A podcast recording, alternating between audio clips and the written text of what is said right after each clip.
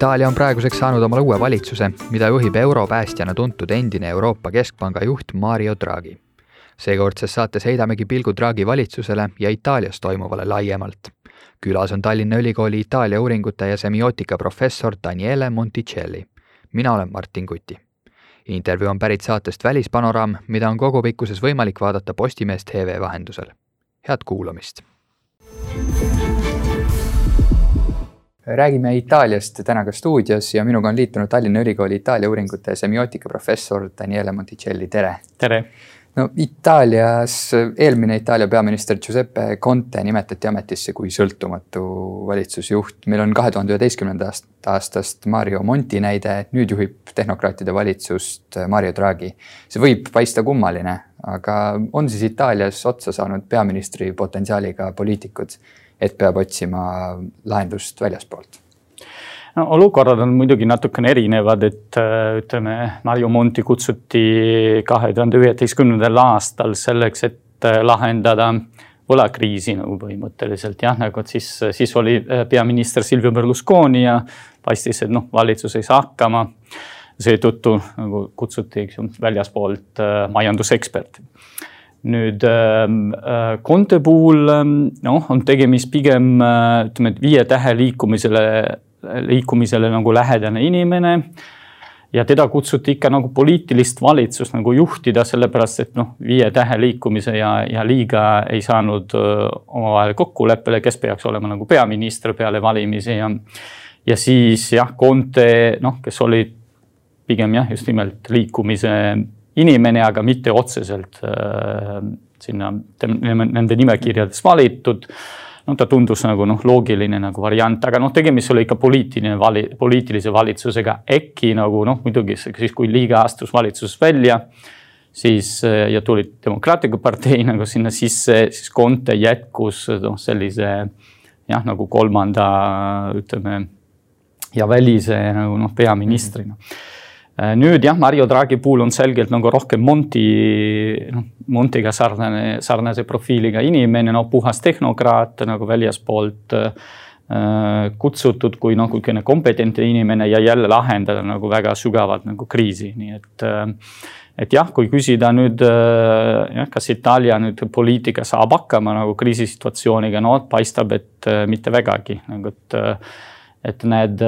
noh Äh, konfliktid ja lõhed, mis on väga sügavad nagu Itaalia poliitikas. Äh, noh, kriisisituatsioonid, äh, situatsioonis loomulikult hästi nagu ei mõju ja, ja, ja paistab, et keegi ei ole valmis nagu piisavalt noh, võtta vastutust ja, ja siis jah, nagu ähm, kutsutakse inimest väljaspoolt, mis on loomulikult nagu, kui mõelda noh, demokraatlikule protsessile, noh, kindlasti kõige parem nagu variant ju no paberi peal paistab, et Draghi valitsusel on päris lai toetus, aga kui stabiilseks teie seda peaksite? ja mis küsimustes üldse me võiksime oodata, et seal pinged tekivad, selles mõttes, et viie tähe liikumine ju ei olnud väga üksmeelne nüüd selle koalitsiooniga liitumise osas. jah, see ütleme, poliitiline situatsioon noh, ei ei luba nagu palju oodata nagu sellest, et, et Draghi oli äh, kuidagi, ta ei tahtnud teha just nimelt puhtalt nagu tehnokraatide nagu valitsust, et äh, noh, ta pidi loomulikult saama nagu parteide nagu toetus ja ta tegi sellist äh, noh, nii-öelda segavalitsust nagu siis pool või kolm, kaks kolmandikku tegelikult on niisugune pigem poliitilist, nad on otseselt partei inimesed, kui me vaatame ministrid, eks ju. ja umbes noh kolmandikud on, äh, on äh, Draghi otseselt nagu kutsutud inimesi. nii et selge see, et see partei, see, see valitsus sõltub väga kõvasti nagu parteide nagu toetusest ja kui vaadata seda parteide spektrumi, kes noh, seda valitsust toetab, vot tekib siis tõesti küsimus, kas, kas nad suudavad nagu äh, nii-öelda kokku jääda, sest me oleme noh äh, paremäärmuslikust leegast kuni siis äh, Äh, vasakpoolseteni välja ja, ja siis ja vahepeal niisugune viie tähe liikumine, millest noh, me väga kunagi jah, ei tea nagu kuidas, kuidas ta käituda võib. Äh, pluss jah, nagu selle parteide sees on äh, niisugune rahulolematus ka selle valitsuse nagu tekkimisega, no viie, viie tähe liikumine on sügavalt nagu lõhestunud mm, ja noh, Leegas ka nagu äkki Salvini on selline noh, üsna autoritaarne juht ja, ja võib-olla ei paista väga välja, aga Leegas ka mitte kõik olid veendunud, et, et tuleb seda valitsust nagu toetada, nii et, ähm, et väga stabiilne mm, see valitsus ei paista jah no räägime ka natuke väljakutsetest, mis äh, Draghi valitsuse ees seisavad, mida temalt oodatakse ja mis oleks need mõõdikud, mille järgi me näiteks kahe-kolme aasta pärast saaksime öelda, et vot ta tegi nüüd head tööd või ta ei teinud head tööd? No tegemist on äh, hädaolukorra valitsusega, nii et noh, ähm, loomulikult äh, esimene ootus on see, et ta viiks riigi hädaolukorrast välja, nagu noh, see tähendab põhimõtteliselt kõigepealt tervisekriisi nagu lahendamine. Ehk siis Draghi on äh, üks noh, äh, prioriteet on seal vaktsineerimine, et siis ta lubas, noh, tal on väga ambitsioonikas programm tõsta nagu vaktsineerimiste, vaktsineerimiste arvu nagu kuskil kolmesaja äh, tuhande, tuhandeni päevas. nii et, et ütleme suveks oleks noh, peaaegu kogu riik nagu vaktsineeritud. Ähm, ja Eh, teine aspekt on loomulikult see kõik selle kriisi, tervisekriisi nagu, nagu ütleme, tagajärjed, mis on, mis on ka äh, kriitilised, et äh, töö kõigepealt tegelikult tööhõive nagu, et äh, töötus on suurenenud märgatavalt Itaalias ja Itaalias niigi on töötus üsna suur. Ja, ja kogu majandus loomulikult, nii et äh, et jah, nagu sel, selle valitsuse eesmärk on selgelt tuua riiki nagu kriisist välja ja siis nagu anda riiki nagu uuesti noh, nii-öelda kodanike kätte, mõnes mõttes, et siis äh, järgmistel valimistel, eks ju, et, et saaks tekkida noh, uus ja äh, täitsa poliitiline valitsus no natukene me maailmavaadetest rääkisime, seal valitsus on, on päris kirju selle poolest, aga milline on Mario Draghi maailmavaade, on ta parempoolne, vasakpoolne, tsentrist ja kuidas temasse üldse Itaalias suhtutakse? No see ongi suur küsimus nagu sellepärast, et me täpselt ei tea, nagu Draghi ei ole olnud enne äh, poliitik, me saame hin-, hinnata noh äh, tema tegevusi ja tema maailmavaate ainult selle järgi, mida ta tegi äh, Itaalia keskpanga ja Euroopa keskpanga juhina. no ta on näid-, näidanud ennast selgelt noh, sihukese kindla juhina nagu, kes suudab tõesti kriisiolukordades ähm, äh, hästi ähm, probleemi nagu lahendada, et äh, aga kui nüüd küsime maailmavaate kohta, noh näiteks, äh, mis on tema noh, väärtuste hinnangud, kas on pigem liberaalsed või konservatiivsed, seda on raske nagu öelda, sest, ähm, sest ta ei ole nagu sellest mm -hmm. rääkinudki enne, ta ei ole pidanud nagu sellega tegelema, eks ju. nüüd noh, kas tal õnnestub äh, Äh, kolmeks aastaks nagu valitsusjuhiks jääda kuni valimisteni. ja, ja, ja tal õnnestus nagu selleks perioodiks vältida suuremaid nagu noh, ütleme väärtuste konflikti äh, selle valitsuse sees, vot see ongi noh, küsimus, et, et nüüd, kas selle, selle kriisist nagu väljumine noh, kui kaua läheb, eks ju, ja kui kui noh, kiiresti hakkavad jälle päevakorrale tulema noh, tavalised äh, poliitilised nagu küsimused, eks ju, et äh, ja siis, siis, siis jah, nagu Draghi peab hakkama näitama, kus ta asub, kus tema nagu noh, nii-öelda maailmavaate mm. Äh, Matteo Salvini ja Liiga tihtipeale on nad ujunud vastuvoolu, aga nüüd on nad justkui pardal. mis kaalutlustel nad seda praegu tegid, et nad, et nad toetasid valitsust? on seal ainult põhjuseks siis see kakssada üheksa miljardit eurot äh, abiraha, et nad tahavad olla seal juures, kus seda raha jagatakse või, või milles asi? no ma arvan, et Salvini sai aru, et ta tegi nüüd äh, üle-eelmisel suvel nagu suure vea, nagu kui ta otsustas äh, valitsusest lahkuda ja mm, noh, ta lootis, et niimoodi tulevad hästi ruttu erakorralised valimised ja ta noh, lõikab suure kasu, sest tol ajal oli tema populaarsus väga kõrge. Aga nüüd, kui noh, olukord sai lahendatud nii, et tuli uus valitsus äh, ähm,, siis ähm, noh, siis ta sai ka aru, et opositsiooni ol-, opositsioonis olla äh, tema toetus ei kasva, pigem väheneb, et ähm, noh, ütleme niimoodi, et tähelepanu nagu ähm, ahjus nagu, et noh, ei, ei hakata, ei hakatud enam üles korjata iga Salvini nagu ütlust, ütlust ja, ja ja ta jäi nagu no väga varjus nagu ja, ja noh, arvamusküsitlused näitavad seda, et et noh, tema liiga populaarsus on umbes kolmandiku võrra nagu vähenenud võrreldes ähm, äh, kahe tuhande üheksateistkümnendal aastal. aga nii et, äh, et ma arvan, et üks kaalutlus oli see nagu noh, olla uuesti äh, nähtav ja oli, olla uuesti nagu asja juures, et. et teine, teine muidugi risk, risk, mida ta võtab sellega, on see, et, et teine paremäärmuslik partei on ähm, äh, vastupidi nagu kasvatamas oma populaarsust, eks ju, Itaalia vennad. Ja on tekkinud noh, väga suur konkurentsi nagu kahe partei vahel. nüüd see Itaalia vend on ainus, vennad on ainus ähm, äh, poliitiline jõud, mis otsustas sellest valitsusest välja jääda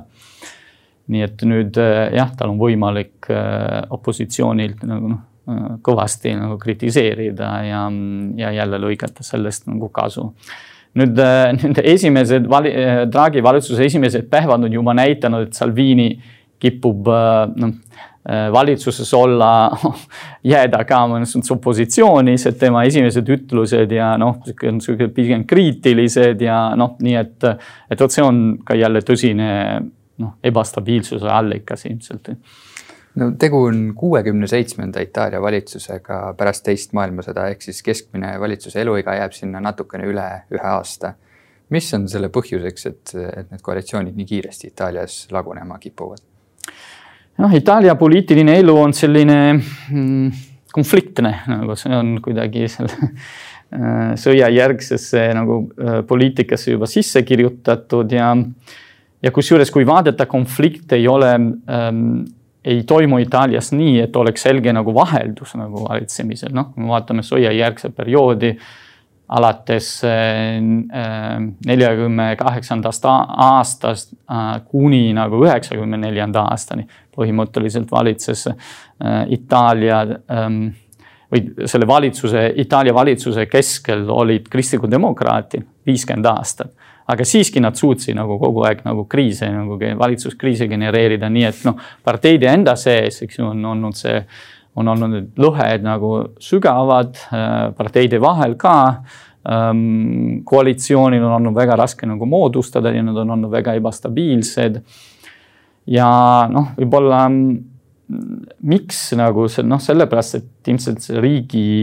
selle riigi ja ühiskonna nagu probleemid on nii sügavad ja keerulised, et ähm, et ühelgi valitsusel, kaasa arvatud Draghi valitsusel on, on, on väga raske, äh, kui mitte võimatu äh, neid päris lahe, päriselt lahendada ja noh, juba hea on see, kui saab nagu liikuma panna kas, kasvõi mingisugune riiki nagu osa või ühiskonna osa, et, et on äärmiselt tõesti raske äh, midagi nagu saavutada, sest probleemid on niivõrd äh, suured ja, ja, ja, ja kuhjunud, et. Äh. no eelmisel kevadel sai Itaaliast karm näide sellest, kui hull koroonaviirus tegelikult olla võib. siis oli olukord uus maailmas, mitte keegi ei teadnud õieti, mida tegema peaks, kuidas reageerima aga siis tulid karmid piirangud. nüüd oleme me selle viirusega aasta aega koos elanud. kuidas võiks kokku võtta Conte valitsuse sihukese kriisi haldamise? kuidas nad sellega hakkama said ja mida Itaalia rahvas sellest arvab? no siin on jah, väike paradoks jälle noh, üks paljudest nagu Itaalia poliitika paradoksidest, et äh, Conte oli Itaalia kõige populaarsem poliitik, kui ta otsustas tagasi astuda nüüd. et ähm, nii et äh, paistab, et Äh, isiklikult ta on, ähm, ta on küll itaallaste silmades päris, ähm, päris hästi hakkama saanud. nüüd äh, noh, see, mida tema on isiklik, see, kuidas tema on isiklikult hakkama saanud, ilmselt äh, ei kajastu nagu inimeste arust selles, noh, mis ühiskonnas on, on toimunud, et ikka on ähm, noh, niisugune väga sügava nagu kriisi nagu tunnetus äh, Äh, noh, palju on äh, tööd kaotanud, äh, noh, kõik need ähm, piirangud on mõjunud ka psühholoogiliselt väga mm, raskesti nagu elanikkonnale. nii et, ähm, et niisugune tunnetus, et, et, et, et Conte valitsus oleks nagu kriis, oleks riigi nagu kuidagi kriisis nagu välja toonud või, või, või noh, selle lähe, lähedale nagu lähemale nagu liikunud, et et seda ilmselt ei ole, aga Conte nagu oma ähm, noh, isiklik nagu äh, tegutsemine, see, kuidas teda nagu haldas seda kommunikatsiooni näiteks noh, paistab, et, et jah, inimesed pigem ähm, äh, hindavad seda, on hinnanud seda pigem nagu positiivselt jah, et äh, noh, üks äh, võib-olla asi, mida tal tasub nagu meelde äh, jätta, nagu on see, et Itaalia viibib juba aasta põhimõtteliselt vasti aasta eriolukorras. et teised riigid on üritanud seda noh, sellest olukorrast noh, siseneda ja väljuda nagu noh, pidevalt kasvõi või siis nagu Eestil on õnnestunud lausa noh, olla mõned kuud eriolukorras ja siis seda mitte taastada. aga Itaalias on see olukord nagu jäänud, noh, see on teine nagu väga tõsine nagu probleem nagu äh, kui me mõtleme nagu demokraatiale, eks ju. Ja, ja see on andnud loomulikult peaministrile nagu sellist mm, noh, juhtivat rolli ja, ja,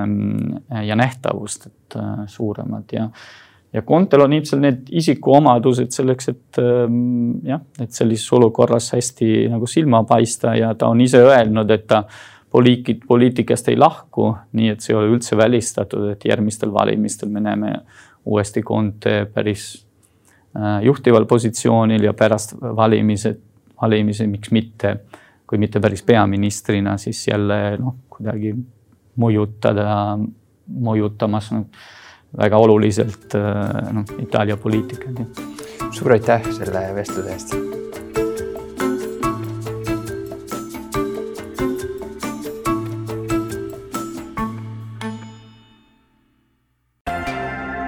kogu saade on kuulatav Postimehe digipaketi tellijatele veebilehel podcast.postimees.ee